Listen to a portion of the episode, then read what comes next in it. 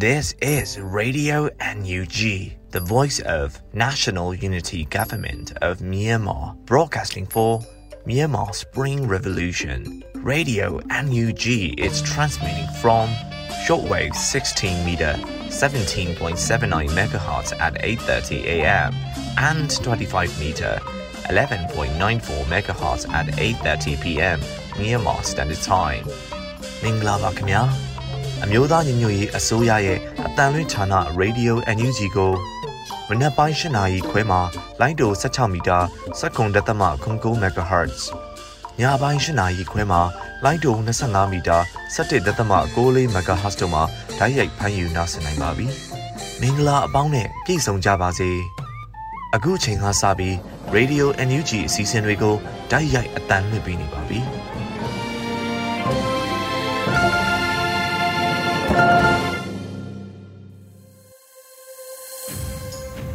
မြန်မာနိုင်ငံသူနိုင်ငံသားအပေါင်းတဘာဝပေးဆရာနာရှင်ပြည်တို့ကနေကင်းဝေးပြီးကိုစိတ်နှပါပေးကင်းလုံခြုံကြပါစေလို့ရေဒီယိုအန်ယူဂျီဖွယ်သားများကဆုတောင်းမြတ်တာပို့သလိုက်ရပါတယ်။ခုချိန်ကစပြီးကာကွယ်ရေးဝန်ကြီးဌာနရဲ့စီရေးသတင်းချင်းချုပ်ကိုတော့မောင်ကျူးမှဖတ်ကြားတင်ပြပေးပါတော့မရှင်။မြို့သားညညွေးဆိုရကာကွယ်ရေးဝန်ကြီးဌာနကထုတ်ပြန်တဲ့နေစဉ်စီရေးသတင်းချင်းချုပ်များကိုတင်ပြပါတော့မယ်ခင်ဗျာ။နေစဉ်စီရေးသတင်းချင်းချုပ်ရ စစ်ကောင်စီတပ်သား16ဦးကြာဆုံးပြီး4ဦးထိခိုက်ဒဏ်ရာရရှိကြောင်းသိရှိရပါတယ်။စစ်ကောင်စီနဲ့တိုက်ပွဲဖြစ်ပွားမှုသတင်းများကိုပထမဦးစွာတင်ပြပါမယ်။ဒီပြည်နယ်မှာ2022ခုနှစ်ဇွန်လ29ရက်နေ့မနက်9:45မိနစ်ခန့်ကကော့ကရိတ်မြို့နယ်ကော့ကရိတ်မြောက်ရီအာရှလမ်းဘေးမွေးမြူရေးစုံဒီမှာတဆွဲထားတဲ့စစ်ကောင်စီအင်အား80ခန့်ကိုပြည်သူ့ကာကွယ်ရေးဖွဲ့ကပျောက်ကြားပစ်ခတ်တိုက်ခတ်ခဲ့ရာမိနစ်20ခန့်တိုက်ပွဲဖြစ်ပွားခဲ့ပြီးစစ်ကောင်စီတပ်သား9ဦးတည်းမင်းတည်ဆုံခဲ့ကြောင်းသိရှိရပါတယ်။ချင်းပြည်နယ်မှာ2022ခုနှစ်ဇွန်လ29ရက်နေ့မနက်9:00နာရီခန့်က မင်းတပ်မြို့နယ်ပလုံထီးကျေးရွာနီမှာစစ်ကောင်စီတပ်နဲ့ CDF မင်းတပ်တို့တိုက်ပွဲဖြစ်ပွားခဲ့ရာစစ်ကောင်စီတပ်သား၄ဦးသေဆုံးကြောင်းနဲ့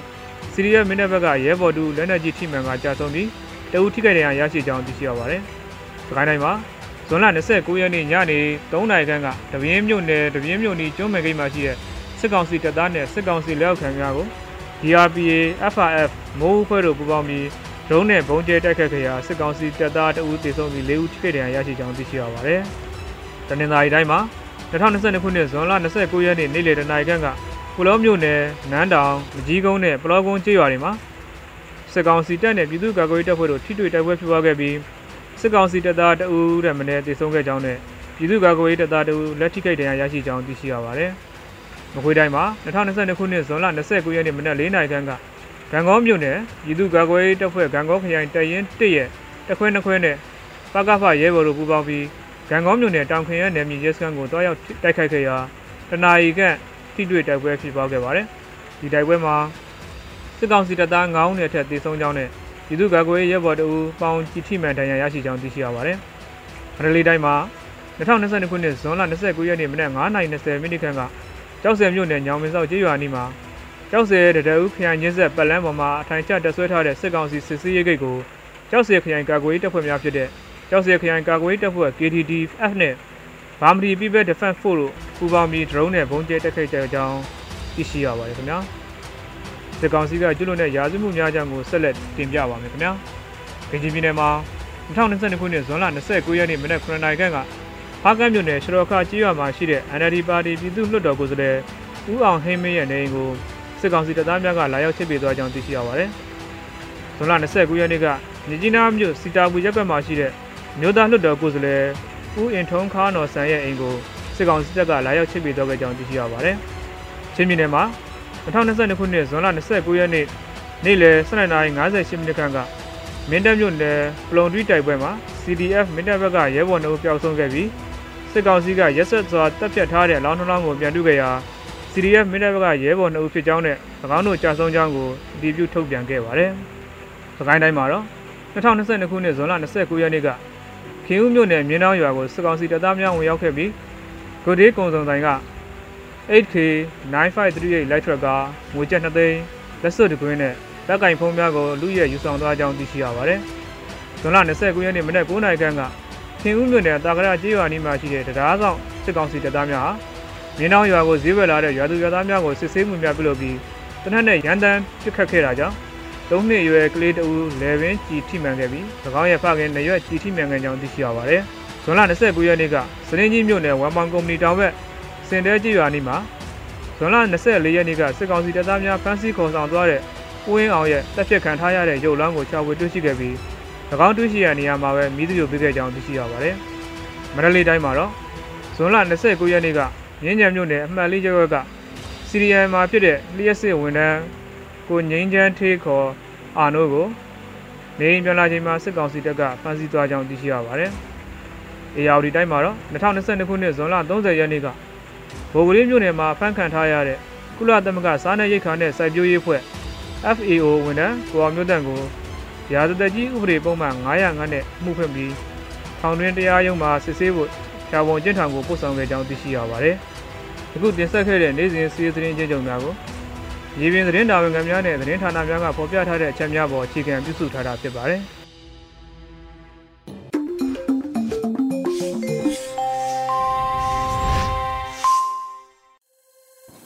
Radio NUG မှာဆက်လက်တင်ပြနေပါတယ်။အခုဆက်လက်ပြီးနောက်ဆုံးရသတင်းများကိုမျိုးဦးမိုင်မှဖတ်ကြားတင်ပြပေးပါတော့မယ်ရှင်။မင်္ဂလာပါရှင်။အခုချိန်ကစပြီး Radio NUG ရဲ့မနက်ခင်းသတင်းများကိုဖတ်ကြားပေးပါတော့မယ်။ ကျွန်မຫນွေဦးမိုင်ပါ။လက်ရှိစိုးမိုးထိန်ချုံနယ်မြေများအပြင်ထက်မှန်၍စိုးမိုးထိန်ချုံနယ်မြေများရရှိရေးပြည်ထောင်စုဝင်ကြီးချုပ်မန်းဝင်းခိုင်တန်းအစိုးရဖွဲ့ကိုမှားကြားတဲ့သတင်းကိုဥစွာတင်ပြပေးပါမယ်။လက်ရှိစိုးမိုးထိန်ချုပ်နယ်မြေများအပြင်ထပ်မံ၍စိုးမိုးထိန်ချုပ်နယ်မြေများရရှိရေးပြည်ထောင်စုဝန်ကြီးချုပ်မန်းဝင်းခိုင်တဲ့အစိုးရဖွဲ့ကိုမှာကြားလိုက်ပါတယ်။ ဇွန်လ30ရက်ကျင်းပတဲ့ကြားကာလဒေသန္တရပြည်သူ့အုပ်ချုပ်ရေးဖော်ဆောင်မှုဗဟုကော်မတီအစည်းအဝေးမှာဝန်ကြီးချုပ်ကထည့်သွင်းပြောကြားခဲ့တာပါ။ယနေ့ချိန်တွင်တော်လှန်ရေးအချိန်မှာပုံမအားကောင်းလာသည့်အတွက်စစ်ကောင်စီအဖို့စစ်ရေးအုပ်ချုပ်ရေးတန်တမာရေးကိစ္စရပ်များတွင်ကြဆုံမှုများစွာတွေ့ကြုံလက်ရှိပါကြောင်းဝန်ပြည်နယ်ကြားကာလပူးပေါင်းဆောင်ရွက်ရေးကော်မတီ MSICC နဲ့တွေ့ဆုံဆွေးနွေးတဲ့ကဲ့သို့ဝန်ပြည်နယ်အတိုင်းပင်ခံကောင်စီ MSCC နဲ့လည်းတွေ့ဆုံဆွေးနွေးရေးအတွက်လူအပ်တီများဝိုင်းဝန်းအကြံပြုပြောကြားရန်လိုအပ်မည်ဖြစ်ပါကြောင်းမိမိတို့အစိုးရနေဖြင့်ထိတွေ့စစ်ဆန်ရသမျှမဟာမိတ်အဖွဲ့အစည်းများနဲ့တွေ့ဆုံဆွေးနွေးကြရမည်ဖြစ်ပါကြောင်းလက်ရှိဆိုမိုထိန်ချုပ်နေမြေများပြင်ထပ်မံ၍စိုးမိုးထိန်ချုပ်နေမြေများရရှိရေးအတွက်ပါဝိုင်းဝန်းကြိုးပမ်းဆောင်ရွက်ကြရမည်ဖြစ်ပါကြောင်းဝန်ကြီးချုပ်ကပြောပါတယ်။တက်ရောက်လာကြသောကြားကာလဒေသန္တရပြည်သူ့အုပ်ချုပ်ရေးဖော်ဆောင်မှုဗဟိုကော်မတီအဖွဲ့ဝင်များမှ စက်ခွန်မြင်းဆောင်2022တွင်ချမှတ်ထားသောဆုံးဖြတ်ချက်များရှေ့လုပ်ငန်းစဉ်များနဲ့ပတ်သက်၍ပြီးစီးမှုအခြေအနေများနဲ့ဆက်လက်ဆောင်ရွက်ရန်ကြံရှိနေသည့်လုပ်ငန်းစဉ်များကိုချပြရှင်းလင်းပြီးကြံရှိနေသည့်ပြည်내အတိုင်းပင်ခံကောင်စီများနဲ့တွိတ်ဆုံဆွေးနွေးနိုင်ရေးကိစ္စရပ်များတွေ့ဆုံပြီးဖြစ်ကြသောအတိုင်းပင်ခံကောင်စီများနဲ့ဌာနအလိုက်ဆက်သွယ်လမ်းကြောင်းများထားရှိပြီးသက်ဆိုင်ရာပြည်နယ်များ၏ကိစ္စရပ်များတွင်လက်တွဲကူညီပံ့ပိုးဆောင်ရွက်ရေးကိစ္စများနဲ့ပတ်သက်ပြီး တက်ရောက်လာကြသောတာဝန်ရှိသူများမှအကျေတဝင့်ဆွေးနွေးခဲ့ကြပါသည်အစည်းအဝေးသို့ကြားကာလဒေသန္တရပြည်သူ့ချုပ်ရေးဖော်ဆောင်မှုဘဟုကော်မတီဥက္ကဋ္ဌပြည်ထောင်စုဝန်ကြီးချုပ်မန်းဝင်းခိုင်သားနဲ့အတူဘဟုကော်မတီဒုတိယဥက္ကဋ္ဌတစ်ပြည်ထရေးနဲ့လူမှုကြီးကြပ်ဝန်ကြီးဌာနပြည်ထောင်စုဝန်ကြီးဦးလွန်ကိုလက်ပါဝင်ဝဟိုကော်မတီအဖွဲ့ဝင်ပြည်ထောင်စုဝန်ကြီးများဒုတိယပြည်ထောင်စုဝန်ကြီးများအမြဲတမ်းအတွင်းဝင်များဌာနဆိုင်ရာများမှတာဝန်ရှိသူများတက်ရောက်ခဲ့ကြပါရရှင် ဆက်လက်ပြီးပြည်ထရေးဝန်ကြီးအမိန့်နဲ့ရဲချုပ်ရုံးအပါဝင်ရဲတပ်ဖွဲ့နဲ့ရဲစခန်းများဖွဲ့စည်းတဲ့တရင်ကိုတင်ပြပေးပါမယ်။အမျိုးသားညီညွတ်ရေးအစိုးရပြည်ထရေးဝန်ကြီးအမိန့်နဲ့ရဲချုပ်ရုံးအပါဝင်ရဲတပ်ဖွဲ့နဲ့ရဲစခန်းများဖွဲ့စည်းလိုက်ပါတယ်။ဇိုလ30ရက်မှာပြည်သူ့ရဲတပ်ဖွဲ့ရုံးဌာနများဖွဲ့စည်းခြင်းအမိန့်ကြေညာစာမှတ်305မြင်းဆောင်2022ကိုထုတ်ပြန်ခဲ့ပါတယ်။အမျိုးသားညီညွတ်ရေးအစိုးရ ပြည်ထရေးနဲ့လူမှုကြီးကြပ်ဝန်ကြီးဌာနပြည်သူ့ရဲတပ်ဖွဲ့တွင်ပြည်သူ့ရဲတပ်ဖွဲ့ဥပဒေနဲ့အညီအောက်ပါယုံဌာနများအားဖွဲ့စည်းခွင့်ပြုလိုက်သည်လို့ဖော်ပြပါရှိပါတယ်။ဖွဲ့စည်းခွင့်ပြုလိုက်သောဌာနများမှာရဲချုပ်ရုံးဒုတိယရဲချုပ်ရုံးရဲဦးစီးချုပ်ရုံးရဲရဲချုပ်ရုံးရဲထောက်ချုပ်ရုံးရဲလက်ကျင့်ရေးဌာနကြီးမှုခင်းတပ်ဖွဲ့လုံခြုံရေးနဲ့အကြမ်းဖက်နှိမ်နင်းရေးဌာနကြီးတရင်တပ်ဖွဲ့နိုင်ငံတကာစစ်စာရေးဌာနကြီး မြို့နယ်ရဲတပ်ဖွဲ့များမြို့နယ်ရဲစခန်းများတို့ဖြစ်ပါတယ်အဆိုပါအမိန့်ကိုပြည်ထရေးနဲ့လူဝင်မှုကြီးကြပ်ရေးဝန်ကြီးဌာနပြည်ထောင်စုဝန်ကြီးဦးလုံကိုလက်ကထုတ်ပြန်ခဲ့ပါတယ်ရှင်။ဆက်လက်ပြီးဥရောပခီးစင်နဲ့ဆက်လင်း၍ပြည်ထောင်စုလွှတ်တော်ကိုစားပြုကော်မတီတို့ပြည်ထောင်စုဝန်ကြီးဒေါက်တာဇော်ဝေဆိုးရှင်းလင်းခဲ့တဲ့သတင်းကိုတင်ပြပေးပါမယ်။ဥရောပခီးစင်နဲ့ဆက်လင်း၍ ပြည်ထောင်စုလွှတ်တော်ကိုစားပြုကော်မတီတို့ပြည်ထောင်စုဝန်ကြီးဒေါက်တာဇော်ဝေဆိုးရှင်းလင်းခဲ့ပါတယ်။ဇွန်လ29ရက်နေ့ည8:00နာရီချိန်တွင်ဥရောပခင်းစင်သွားရောက်ခဲ့သည့်ကျမ်းမာရေးဝန်ကြီးဌာနပြည်ထောင်စုဝန်ကြီးဒေါက်တာဇော်ဝေဆိုးမှဥရောပခင်းစင်နဲ့ဆက်လင်း၍ရှင်းလင်းတင်ပြခဲ့ပါသည်။ပြည်ထောင်စုဝန်ကြီးဒေါက်တာဇော်ဝေဆိုးကရှင်းလင်းတင်ပြရာတွင်မေလ31ရက်နေ့မှဇွန်လ1ရက်နေ့အထိသွားရောက်ခဲ့သည့်ဥရောပခီးစဉ်တွင်ဥရောပသမဂ္ဂကောင်စီ ဥရောပပါလီမန်ဥရောပကော်မရှင်တို့အပါအဝင် EU မှတာဝန်ရှိသူများနဲ့တွေ့ဆုံဆွေးနွေးခဲ့မှုအခြေအနေများကိုပြောပြခဲ့ပါတယ်။ဒါအပြင်တရားဝင်ရွေးကောက်ခံဖွဲ့စည်းများဖြစ်တဲ့အမျိုးသားညီညွတ်ရေးအစိုးရ NUG ပြည်ထောင်စုလွှတ်တော်ကိုစားပြုကော်မတီ CRPH တို့နဲ့အနာဂတ်တွင်ပူးပေါင်းဆောင်ရွက်သွားရေးဆွေးနွေးသဘောတူညီခဲ့သောအချက်များအနာဂတ်ပူးပေါင်းဆောင်ရွက်မှုတို့အတွက် NUG နဲ့ CRPH တို့မှ ကြိုတင်ပြင်ဆင်ထားရချက်များပူးပေါင်းဆောင်ရွက်မှုဆိုင်ရာဆက်လက်ညှိနှိုင်းသွားရအချက်များကိုဝန်ကြီးကရှင်းလင်းခဲ့ပါတယ်။ထို့နောက်နိုင်ငံတကာဆက်ဆံရေးကော်မတီဥက္ကဋ္ဌဒေါ်မြင့်တီရာထွန်းကဥရောပပါလီမန်နဲ့ပြည်ထောင်စုလွှတ်တော်ကိုစားပြုကော်မတီတို့အကြားပူးပေါင်းဆောင်ရွက်မှုအခြေအနေများကိုပြန်လည်ရှင်းလင်းတင်ပြခဲ့ပြီးတက်ရောက်လာသည့်ကော်မတီဝင်များကခရီးစဉ်ဆိုင်ရာဆက်လက်ဆောင်ရွက်ရန်တို့အပေါ်အပြန်အလှန်ဆွေးနွေးခဲ့ကြပါရရှင်။ ဆက်လက်ပြီး PDF တင်နန်းသားပေါင်း8000ကျော်ကိုရှေးဦးတူနာပြုတင်နာများတင်ပေးပြီးဖြစ်တယ်လို့ပြည်ထောင်စုဝန်ကြီးဒေါက်တာဇော်ဝေဆိုးဆိုလိုက်တဲ့သတင်းကိုတင်ပြပေးပါမယ်။ PDF တင်နန်းသားပေါင်း8000ကျော်ကိုရှေးဦးတူနာပြုတင်နာများတင်ပေးပြီးဖြစ်တယ်လို့ပြည်ထောင်စုဝန်ကြီးဒေါက်တာဇော်ဝေဆိုးကပြောပါရယ်။ဇွန်လ29ရက်နေ့ရာဝတီသတင်းဌာနနဲ့မြင်းမြရမှာကျမ်းမာရေးဝန်ကြီးဒေါက်တာဇော်ဝေဆိုးကပြောပါရယ်။ PDF တင်နန်းသားပေါင်း8000ကျော်ကိုလည်းရှေးဦးတူနာပြုတင်တယ် စေတနာဝန်ထမ်းတွေကိုလည်းရှေးဦးသူနာပြုစုနေတဲ့နဲ့နောက်ဆက်မြေပြင်အရေးပေါ်အသက်ကယ်နီးသွေးသွန်းကုသနီးတင်နာအကုန်တင်ပေးတယ်ရှေ့တန်းမှာကြားမရင်နဲ့ပတ်သက်လို့လိုအပ်ချက်ရှိရဲဆိုရင်ကျွန်တော်တို့ကိုဆက်သွဲပါအမြန်ဆုံးကျွန်တော်တို့ဖြည့်ဆည်းပေးနေပါတယ်လို့ဝန်ကြီးကပြောပါတယ်အမျိုးသားညီညွတ်ရေးဆိုရကျမိုင်ဝင်ကြီးဌာနအနေနဲ့ရှေ့တန်းစေယုံပေါင်း168ရုံအခြေစိုက်စေယုံပေါင်း52ရုံကျမိုင်ဝန်ထမ်းပေါင်း4000ကျော်နဲ့ကုသမှုတို့ပေးနေတယ်လို့သိရပါတယ်ရှင်။ ဆက်လက်ပြီး EAORI Federal School ကျောင်းဖွင့်ပွဲအမျိုးသားညီညွတ်ရေးအစိုးရအဖွဲ့ပညာရေးဝန်ကြီးအပါအဝင်လူ2000နီးပါးတက်ရောက်တဲ့သတင်းကိုတင်ပြပေးပါမယ်။ EAORI Federal School ကျောင်းဖွင့်ပွဲအမျိုးသားညီညွတ်ရေးအစိုးရအဖွဲ့ပညာရေးဝန်ကြီးအပါအဝင်လူ2000နီးပါးတက်ရောက်ခဲ့ပါတယ်။ဇွန်လ30ရက်နေ့မှာ EAORI Federal School ၏ကျောင်းဖွင့်ပွဲခမ်းနားကိုကျင်းပခဲ့ပါတယ်။အခမ်းအနားအား G3 ကျောင်းသားလေးတဦးမှသွေးသစ္စာတခြင်းဖြင့်ဖွင့်လှစ်ပေးခဲ့ပါတယ်။ ထို့အပြင်ပင်ယာရေးဝန်ကြီးဒေါက်တာဇော်ဝေဆိုးຫນွေဦးဆရာအတက်သင်တက္ကသိုလ်အဓိပတိဆရာကြီးဒေါက်တာသိန်းလွင် CRH မှကိုယ်စားလှယ်များ NUCC ကောင်စီဝင် ကိုနန္ဒစစ်အောင်ပြည်သူတက်တော်တချင်းရေးသားသူတားနတ်ရှင်နောင်ရုပ်ရှင်နဲ့အဆိုတော်မချစ်သူတွေမထရီစာတို့တက်ရောက်ပါတယ်အခမ်းအနားသို့တက်ရောက်ချီးမြှင့်သူလူ2000ခန့်ရှိခဲ့ပါတယ်ရှင်။ ဆက်လက်ပြီး MG6 ပျောက်ကြားတက်မြင်းချံခရအမှတ်9တက်ရင်ပြည်သူ့ကာကွယ်တပ်မတော်မှအထူးကွန်မန်ဒို10ဦးအားရက်ပေါင်း90လေ့ကျင့်သင်ကြားမှုအောင်မြင်တဲ့သတင်းကိုတင်ပြပေးပါမယ်။ MG6 ပျောက်ကြားတက်မြင်းချံခရင်အမှတ်9တက်ရင်ပြည်သူ့ကာကွယ်တပ်မတော်မှအထူးကွန်မန်ဒို10ဦးအားရက်ပေါင်း90လေ့ကျင့်သင်ကြားမှုအောင်မြင်ခဲ့ပါတယ်။ဇွန်လ30ရက်မှာ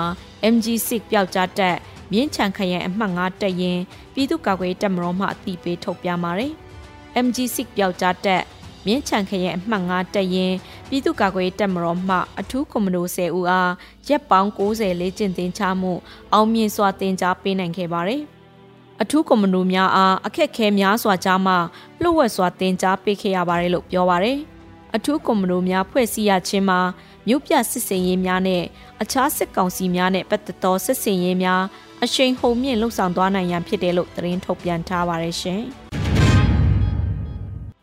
ဆက်လက်ပြီးဥကရထကိုတိမ့်နိုင်ဖို့တိုက်ပွဲဝင်နေတဲ့သူရဲကောင်းတွေအတွက်ဘက်တတန်းပေးပို့မယ်လို့ click to donate ကြေညာတဲ့သတင်းကိုတင်ပြပေးပါမယ်။ဥကရထကိုတိမ့်နိုင်ဖို့တိုက်ပွဲဝင်နေတဲ့သူရဲကောင်းတွေအတွက်ဘက်တတန်းပေးပို့မယ်လို့ click to donate ကကြေညာခဲ့ပါတယ်။ဇွန်လ30ရက်နေ့မှာ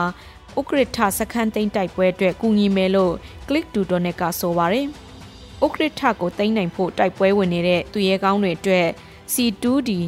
တတင် P2D တို့ပေါင်းပြီးဘတ်တတန်3600ပို့မယ်ခင်ဗျာအောင်ပွဲရဖို့ဆူတောင်းနဲ့အားပေးနေလို့မရဘူးမို့လားလို့ဖော်ပြပါရယ်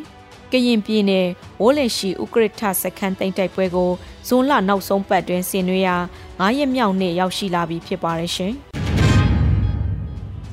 ဆလပီ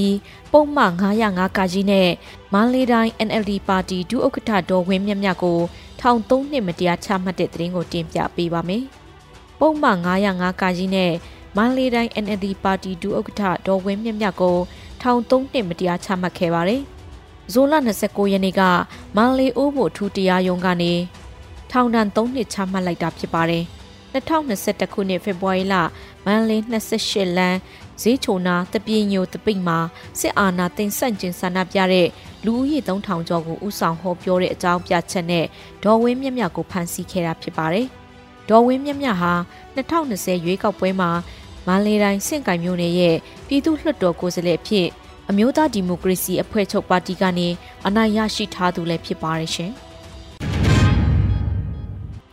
ဆလပီလွိုင်ကော်လောပိတာလာမကြီးပေါ်ရင်စစ်ကောင်စီတပ်ရိတ်ခါတဲ့ဖို့တော်ရင်တစည်းနဲ့ KNDF တပ်ရင်အမှတ်30ထိတွေ့တိုက်ပွဲဖြစ်ကစစ်ကောင်စီတပ်က၄ဦးကိုပြစ်ခတ်ရှင်းလင်းတဲ့တရင်ကိုတင်ပြပေးပါမယ်။လွိုင်ကော်လောပိတာလာမကြီးပေါ်ရင်စစ်ကောင်စီရိတ်ခါတဲ့ဖို့တော်ရင်တစည်းနဲ့ KNDF တပ်ရင်အမှတ်30ထိတွေ့တိုက်ပွဲဖြစ်ပွားခဲ့ပါတယ်။ဇွန်လ30ရက်နေ့မနေ့ပိုင်း၌ လွိုင်ကော်လောပိတာလမ်းမကြီးပေါ်တွင် KNDF တပ်ရင်အမှတ်30မှကင်းလှည့်လှုပ်ရှားမှုပြုလုပ်နေစဉ်စစ်ကောင်စီ၏တပ်ရိတ်ခါတဲ့ပို့သောရင်တစည်းနဲ့ထိတ်တိုက်တွေ့ကထိတွေ့မှုဖြစ်ပွားခဲ့လို့ဖော်ပြပါရယ်လောပိတအမှတ်နှစ်သင်္ဘောပင်စခန်းနဲ့ဒန်းဦးဖျားကြောင်ကြားလမ်းမပေါ်တွင် KNDF တပ်ရင်အမှတ်30မှကင်းလှည့်လှုပ်ရှားမှုပြုလုပ်နေစဉ်တပ်ရိတ်ခါတဲ့ပို့သည့်ကားတစ်စီးနဲ့ထိတ်တိုက်တွေ့ကထိတွေ့မှုဖြစ်ပွားခဲ့ခြင်းဖြစ်ပြီးရင်ပေါ်ပါသည့်တပ်ရေးဘူကြီးတဦး တက်ကြက်ကြီးတဦးနဲ့တက်သား2ဦးစုစုပေါင်း4ဦးတို့အားပြစ်ခတ်ရှင်းလင်းနိုင်ခဲ့တယ်လို့ KNDF တပ်ရင်း30ကထုတ်ပြန်ပါတယ်။ထိတွေ့တိုက်ပွဲမှာမနက်8:45မိနစ်မှ9:05မိနစ်ထိကြာမြင့်ခဲ့ပြီးတိုက်ပွဲအပြီးရင်ပေါ်ပါတက်ရေးဘူကြီးကင်ဆောင်သောကိုမမပစ္စတုတနက်တလက်ကြီး12တောင်းနဲ့ဖုန်းနှလုံးတို့ကိုတင်စီရမိခဲ့ကကာကွယ်ရေးဖက်မှတဆုံတရာထိခိုက်မှုမရှိပြန်လည်ဆုတ်ခွာနိုင်ခဲ့ပါတယ်။အကြမ်းဖက်စစ်ကောင်စီ၏ လောပိတခြေဆိုင်အမှတ်82တရင်မှတိုက်ပွဲဖြစ်ပွားရာအနီးရှိကျေးရွာများဖက်သို့လက်နက်ကြီးများရန်တမ်းပစ်ခဲ့ပြီးလေးအိမ်ဆိုရွာအတွင်းလက်နက်ကြီးကြားရောက်၍နေအိမ်တလုံးပါထိခိုက်ပျက်စီးခဲ့ပါရရှင်။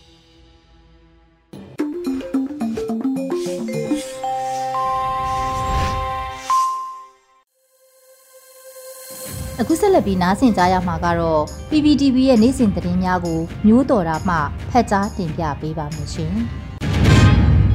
ပထမဆုံးတင်ဆက်ပေးမယ့်သတင်းကတော့ຫນွေဦးတော်လိုင်းရေးအရှိန်အဟုန်ရလာတာနဲ့အမျှ ဒေါ်လာရေးကိုပုံဖြတ်တဲ့သတင်းတူသတင်းရောင်သတင်းမှားတွေကိုရည်ရွယ်ချက်ရှိရှိနဲ့ထုတ်လုပ်ဖြန့်ချီနေတယ်လို့အမျိုးသားညွရေးအစိုးရထုတ်ပြန်လိုက်တဲ့သတင်းမှာ Federal Democracy ပြည်ထောင်စုပေါ်ပေါက်လာရေးအတွက်အမျိုးသားညွရေးအတိုင်းပင်ခံကောင်စီ NUCC ပြည်ထောင်စုလွှတ်တော်ကိုစားပြုကော်မတီ CRPH အမျိုးသားညွရေးအစိုးရ NUG နဲ့ တိုင်းရင်းသားညီနောင်မဟာမိတ်တွေရဲ့နှွေဦးတော်လှန်ရေးအရှိန်အဟုန်ရလာတာနဲ့အမျှဒေါ်လာရေးကိုပုံဖြတ်တဲ့သတင်းတူသတင်းရောင်သတင်းမှားတွေကိုရည်ရွယ်ချက်ရှိရှိနဲ့ထုတ်လုပ်ဖြန့်ချီနေတယ်လို့အမျိုးသားညွရေးအစိုးရကဒီနေ့ရက်စွဲနဲ့ထုတ်ပြန်ကြေညာလိုက်ပါတယ် ထုတ်ပြန်ချက်ထဲမှာသတင်းတုသတင်းရောင်သတင်းမှားတွေထဲမှာအမျိုးသားညွရေးအစိုးရအနေနဲ့အမြင်သဘောထားမတူသူဘလူပုဂ္ဂိုလ်တချို့ကိုအသက်အန္တရာယ်ရန်ရှာရန်စည်ရင်ပြုစုထားကြောင်းကိုအစည်းအဝေးဆုံးဖြတ်ချက်နဲ့တကွလုပ်ငန်းစဉ်တွေပါချမှတ်ထားတဲ့အောင်လှုပ်တံဖန်တီးပြီးဖြန့်ချီနေတဲ့သတင်းမှားတစ်ခုလည်းပါဝင်နေတာကိုတွေ့ရတယ်လို့ဖော်ပြထားပါတယ်။ အဲ့ဒီလိုသတင်းမှားကိုယခုအချိန်မှသမကလွန်ခဲ့တဲ့ရှစ်လခန့်ကလေးကပုံစံသူသတင်းမှားတစ်ခုကိုလူပုဂ္ဂိုလ်အချို့ကလောက်ကျန်ဖန်တီးကနိုင်ငံတကာအတိုင်းဝန်းကိုပေးပို့ခဲ့မှုတဲ့တာရကတစ်ခုလည်းရှိခဲ့ဘူးတယ်လို့ထောက်ပြထားတာတွေ့ရပါတယ် အမျိုးသားညွရေးအစိုးရအနေနဲ့လူအဖွဲ့အစည်းကိုအကြောက်တရားနဲ့မလုံခြုံမှုတွေဖြစ်စေတဲ့အကြမ်းဖက်စစ်အာဏာရှင်ကောင်းဆောင်တွေကိုသာဒီမိုကရေစီလူအခွင့်အရေးနဲ့လူသားလုံခြုံရေးအတွက်ဘုံရန်သူဖြစ်တယ်လို့သတ်မှတ်ထားပြီးအမြင့်ဖြတ်တွန်းလှန်နိုင်ရေးကိုနိုင်ငံရေးအမြင့်တူကွဲပြားမှုတွေကိုလေးစားတံမိုးထားပြီးစ조사ဆောင်ရွက်နေတာဖြစ်တယ်လို့ဆိုထားပါတယ်။ တော်လိုင်းရေးပုံပြစင်ရန်လောက်ကြံဖန်တီးဖြန့်ချီနေတဲ့သတင်းမှမှပါဝင်တဲ့လောက်ရမျိုးကို အမျိုးသားညွရေးအစိုးရဆွဲကင်ဆောင်ရွက်လျက်ရှိတဲ့မူဝါဒလုပ်ငန်းစဉ်ရည်မှန်းချက်တွေနဲ့ကန့်ညီမှုမရှိတဲ့လောက်ရတွေဖြစ်တာကြောင့်အမျိုးသားညွရေးအစိုးရအနေနဲ့ဘယ်လိုနည်းနဲ့မှလောက်ကင်ဆောင်ရွက်မှာမဟုတ်ဘူးလို့ဖော်ပြထားပါတယ်။ ဒါပြင်နိုင်ငံရေးအမြင့်မတူကွဲပြားမှုတွေကိုလက်မခံဘဲအဓမ္မနီလန်းနဲ့ဖြည့်ရှင်းဆောင်ရွက်နေတဲ့လုပ်ရက်တွေကိုဘလို့အဖွဲ့အစည်းတွေကကျူးလွန်တာပဲဖြစ်စေအမျိုးသားညွရေးဆိုရကပြင်းထန်စွာရှုံချပြီးကျူးလွန်တဲ့သူတွေကိုတရားဥပဒေနဲ့အညီဖြည့်ရှင်းဆောင်ရွက်နိုင်ရေးအတွက်တွန်းအားပေးလှုံ့ဆော်သွားမှာဖြစ်တယ်လို့ထုတ်ပြန်ချက်မှာဖော်ပြထားတာတွေ့ရပါတယ်။ အခုတခါတင်ဆက်ပေးမှာကတော့လွမြောက်ရေးတောအုပ်အမည်ပေးထားတဲ့တစ်ပင်ဝဲယူရင်ရဲဘော်တွေကိုကူညီနိုင်တဲ့ကမ်ပိန်းပြုလုပ်မယ်ဆိုတဲ့သတင်းမှာဒေါ်လာရေးအလွန်ကာလမှာပြည်သူတွေရဲ့စိတ်နှလုံးကိုခစ်တက်ခဏအပန်းပြေစေရန်ရည်ရွယ်ပြီးလွမြောက်ရေးတောအုပ်အမည်ပေးထားတဲ့တစ်ပင်ဝယ်ယူရင်ရဲဘော်တွေကိုကူညီနိုင်တဲ့ကမ်ပိန်းကို အာနာရှင်ဒေါ်လာရေးပြည်သူတမတော် Anti-Dictatorship Revolution People's Army DRPA ကသတင်းထုတ်ပြန်လိုက်ပါတယ်အနာရှင်စနစ်ဆိုရဲ့လက်အောက်မှာလွမြောက်ရေးအတွက်စွမ်းစွမ်းတမန်ပါဝင်နေကြတဲ့ရဲဘော်တွေရဲ့လိုအပ်ချက်တွေကိုပြည့်စည်ပေးရေးတာမကတော်လန်ရေးအလွန်ကာလမှာပါပြည်သူတွေရဲ့စိတ်နှလုံးကိုခိတ္တခဏအပန်းပြေစေရန်ရွယ်ပြုလုပ်တဲ့လွမြောက်ရေးတောအုပ်အမည်ရတစ်ပင်ဝယ်ယူရေးရဲဘော်တွေကိုကူညီနိုင်သောကမ်ပိန်းကို ကျွန်တော်တို့ DRPA အဖွဲ့အစည်းနဲ့အတူမဟာမိတ်အဖွဲ့အစည်းတွေကစတင်ရောင်းချပြီးဖြစ်တယ်လို့အသိပေးအပ်ပါတယ်ဆိုပြီး DRPA ကထုတ်ပြန်လိုက်တာပါ လွတ်မြောက်ရေးတောအုပ် campaign လက်မှတ်တွေကို DRPA အဖွဲ့အစည်းရဲ့ Facebook page Messenger မှာဝယ်ယူနိုင်သလိုမဟာမိတ်အဖွဲ့အစည်းတွေဖြစ်တဲ့ To Coverage ရဲဘော်များတို့ Fundraising Team ຫນွေဦးစုဘူးပြည်မသေသားများမဟာမိတ်တပ်ပေါင်းစု BRAF အစရှိတဲ့အဖွဲ့အစည်းတွေရှိမှလည်းအဆောင်အရေးအတွက်အကန့်အသတ်မရှိဘဲဝယ်ယူနိုင်ပါတယ်။ ဝယ်ယူလိုတဲ့ပြည်သူတွေအနေနဲ့မိမိတို့ဝယ်ယူမဲ့အဖွဲ့အစည်းရဲ့ Facebook Messenger ကိုတွားပြီးတော့မိမိဝယ်ယူလိုတဲ့အရေးအတွက်ကိုပြောပြီး KPay Wave AYA Pay CB Pay KBZ Banking Cry to PayPal အစရှိတဲ့ငွေပေးချေမှုတွေအပြင်ပြည်ပရောက်နေတဲ့ထောက်ပံ့သူတွေအနေနဲ့အဆင်ပြေစေဖို့အတွက်လည်းနိုင်ငံခြားဘဏ်တွေ Digital Payment တွေပါထားရှိမှာဖြစ်တဲ့အတွက်အဆင်ပြေဆုံးငွေပေးချေမှုကိုရွေးချယ်ဝယ်ယူနိုင်တယ်လို့ဖော်ပြထားပါတယ် ငွေလွှဲပြီးတဲ့အခါမှာလဲလွှဲပြီးတဲ့အကြောင်းအထောက်အထားကို page admin ကိုပေးပို့ရမှာပါဝယ်ယူထားတဲ့သစ်ပင်တွေမှာနာမည်တွေအမတ်တရစာတွေကိုရေးထိုးပေးခြင်းနဲ့ဆိုရင်လဲ page admin တွေကိုပြောပြလို့ရသလိုလက်တလုံးလုံခြုံရေးအရာအမည်တွေကိုအရေးထိုးမပေးနိုင်ပေမဲ့လေဒေါ်လာရေးအလွန်ကာလမှာရေးထိုးပေးသွားမှာဖြစ်တဲ့အပြင် certificate တွေကိုလည်းတောင်းယူနိုင်တယ်လို့ဖော်ပြထားပါတယ်လက်မဈေးနှုန်းတွေကမြန်မာကျပ်ငွေနဲ့3သိန်း3000ကျပ် အမေရိကန်ဒေါ်လာ85စင်ကာပူဒေါ်လာ100ထိုင်းဘတ်2500ကိုရီးယားဝမ်9200ဂျပန်ယန်9500ကျသင့်မှာဖြစ်တယ်လို့ဖော်ပြထားပါတယ်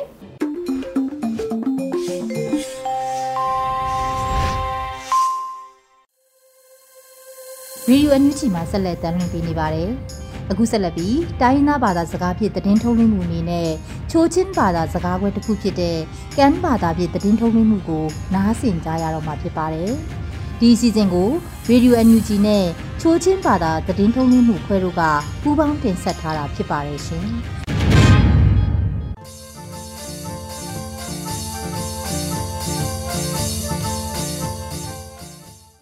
จีครูกังรีดิโอนำงายาปุงเอวิปอสักครั้งตูนายเร็บนาเกพรุเทกำมมกำมานาออนนำไรบยอตีละนำกุดกันตูกุกเกยคาทุทางกันแทนอวยกุยเคสาละกะกะกืออัลัมมาสึกอยทั้งกุมทองนี่กุมทองกุมนี่พอเนิกลุงปันหิอามินดาซีดีเอฟออนไรกับเทดูอัมกากรุนากาไรกับเทอปุมซีเอ็นมือวางอัมกากรุนักบายพีรกับเทปทุมซีเอ็นอเดิมมาดาเล่มกดียากลองกือ Minda CTA Pinam Rai Kap Abum Sampak Neyin Grakshi In Tui On Rame Hamla Ashing Na Pekitila Yak Lom Ki Thilin Khopui Ong Khosai Kain Dui Lo Upunye Rai Kap Thetu Muwang Khonak Lung Paruka Lung Tui Khosa Amhun Lo Ki Toi Bai Pung La Minda Khopui Khuya Tuk A Nak Anui Om Hing Pung La Agrana Kaidonga Hum Het Pung Tu Nan Bom Ukei Tila CTF Minta เตนตะกื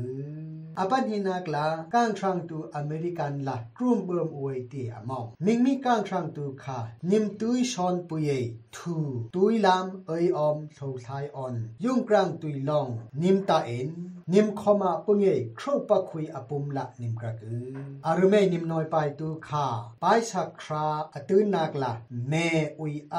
วอกเกอาชีพรางอุเอ็นฟานบูเชียละพรุเทนากน้อมอนาปโลมานุกืออคามุยบางทรีลา อเมริกันละอมอุปงเงก้างทรังตูพีไปสักคราอันฮึบเอิดนาเกกาเอ็นอันฮึบทุ่มชีลาอเมริกันแมริแลนด์ปาลติโมลคออาอาเฮเอิดนาก้างทรังตูกรุมเบิมนาเกยูลีบีไวตีละอยากลอมกืออาคาโซอยูเลียอลัมมาซึกลาก้าง culture dance competition อปันหินากลาก้าง Mrs Beauty competition อปทุมนากลาก้าง Mr Handsome competition ที่เอตุยปุยตูออนหนึ่งนานักบีไวตีละอยากลอมกืออปทุมออยทางกุมทองนี่กุมทองกุมนี่นาคราทองเคลีนหือปะ ICNCC อัมกรุมเบิมนากะงามเย็นซองเฮท่องเฮเซนเน็ต ICNCC บูอวานีอัมเงิมปุยนาเกดองอากุมทองนี่กุมทองกุมนี่นาคราเคงานหือปะอัมบีกองเซลมีติงอาช่องเย็นซองเฮท่องเฮเซนเนตาอัมเงิมปุยใบชีนาเกดองอา Federal Democracy Charta อปันหินาabout pareta non section ngakip on panhi muila so ei sanha peking hpa tun pungen thu kho khuya pi nam tui tung lam nut nak bi loi la am tu nei thu kho pui ava nei pi nam bu pung pung kha ngum pui nak sanha kam khra ke ti la akha so ei thu khra na ken to ku apali na koi thang rai kap the tu bom upungei nan ctm tuai am sang tai sipit phui kot pungei ายสิปิดพุยกดปุงเงยไกซีตองตันโมโตกาคา CTF มาตุปีตัวยอัมชุงโยนาเกยขคุยาเซโซนาคัมเปอุกตีละอยากลองกือไกซีตองตันคาบาตูออนปกุกวยอันนันลาเกดองดังปุงเงยโมโตกาละกราเอ็นไรกับเทตูบอมอุปเงยนั้น CTM ตัวยอัมสังตายสิปิดตุโรซากาออนอภุยโลนาเกดองานาคราเครุกเนือป่า နာထရာခေရုကနပါစီတီအမ်မတူပီတွင်မောတောကာမာမာလာစိပိစံတိုင်ကမ်ပန်းပကူတီလာစီတီအမ်မတူပီယံတကူအခါဇိုအေအမောင်မာခါကန်မပူမောင်ဆူအွန်ဥအန်စာကမ်ဒတ်ရွိုင်တေသေခါနာငွေဒတ်လာအန်အ om na ke dong a kai si ke mo to ka kha si te ma tu pi shung yo na ram khuya e si chon bai la kam kham ku ti yak lom ku apanga na koi thang ming hu e teng pung tu mon ตกาคา CTF มาตุปีเอชงโยนากรัมขุยาเอจิตจอนไปละกำคำกตีอยากลองกืออปังานักอ้อยทางมิงหูเอตึงปึงตูงอนเฮยตีอ้อยทางอลอยขาไรกับเทตวนอัมมาง่ายง่ายลาพรันเพรอุกตีลา NUGN ตะกือ NUG on มิงหูเอตึงปึงเอครั้งตูงอนเฮยตีอมองออนอัมมิงตูตูมงอยเปตาโซเชียลมีเดียฟานาอปุยองนาเกดองอาอ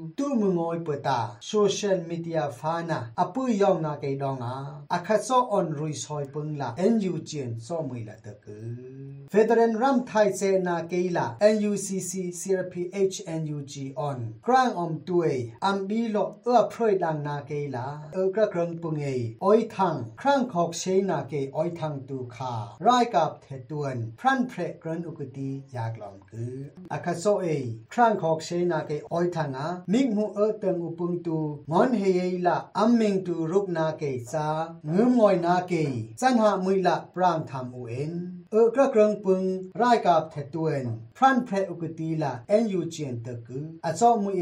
รูกไรนักออยทางคาปรีเคินปึงเอคราเรตเปตาพีเอ็นยูเจอาวายสตวนครอปึงรัมปึงเอฮาละทูครานักเปลกือเอ็นยูจีครกังเรดิโอนำงายาปึงเอน้อยไปเกยนาอวันไรซึมซึมอุนอมอู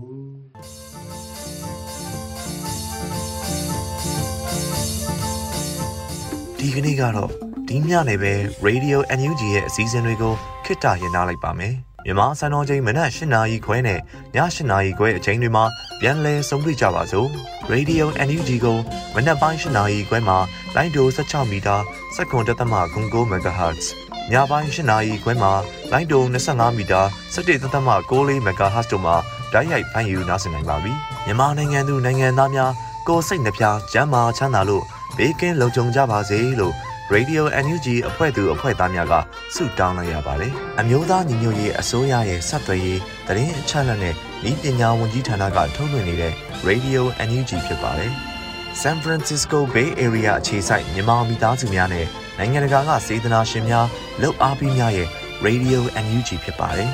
။အရေးတော်ပုံအောင်ရမည်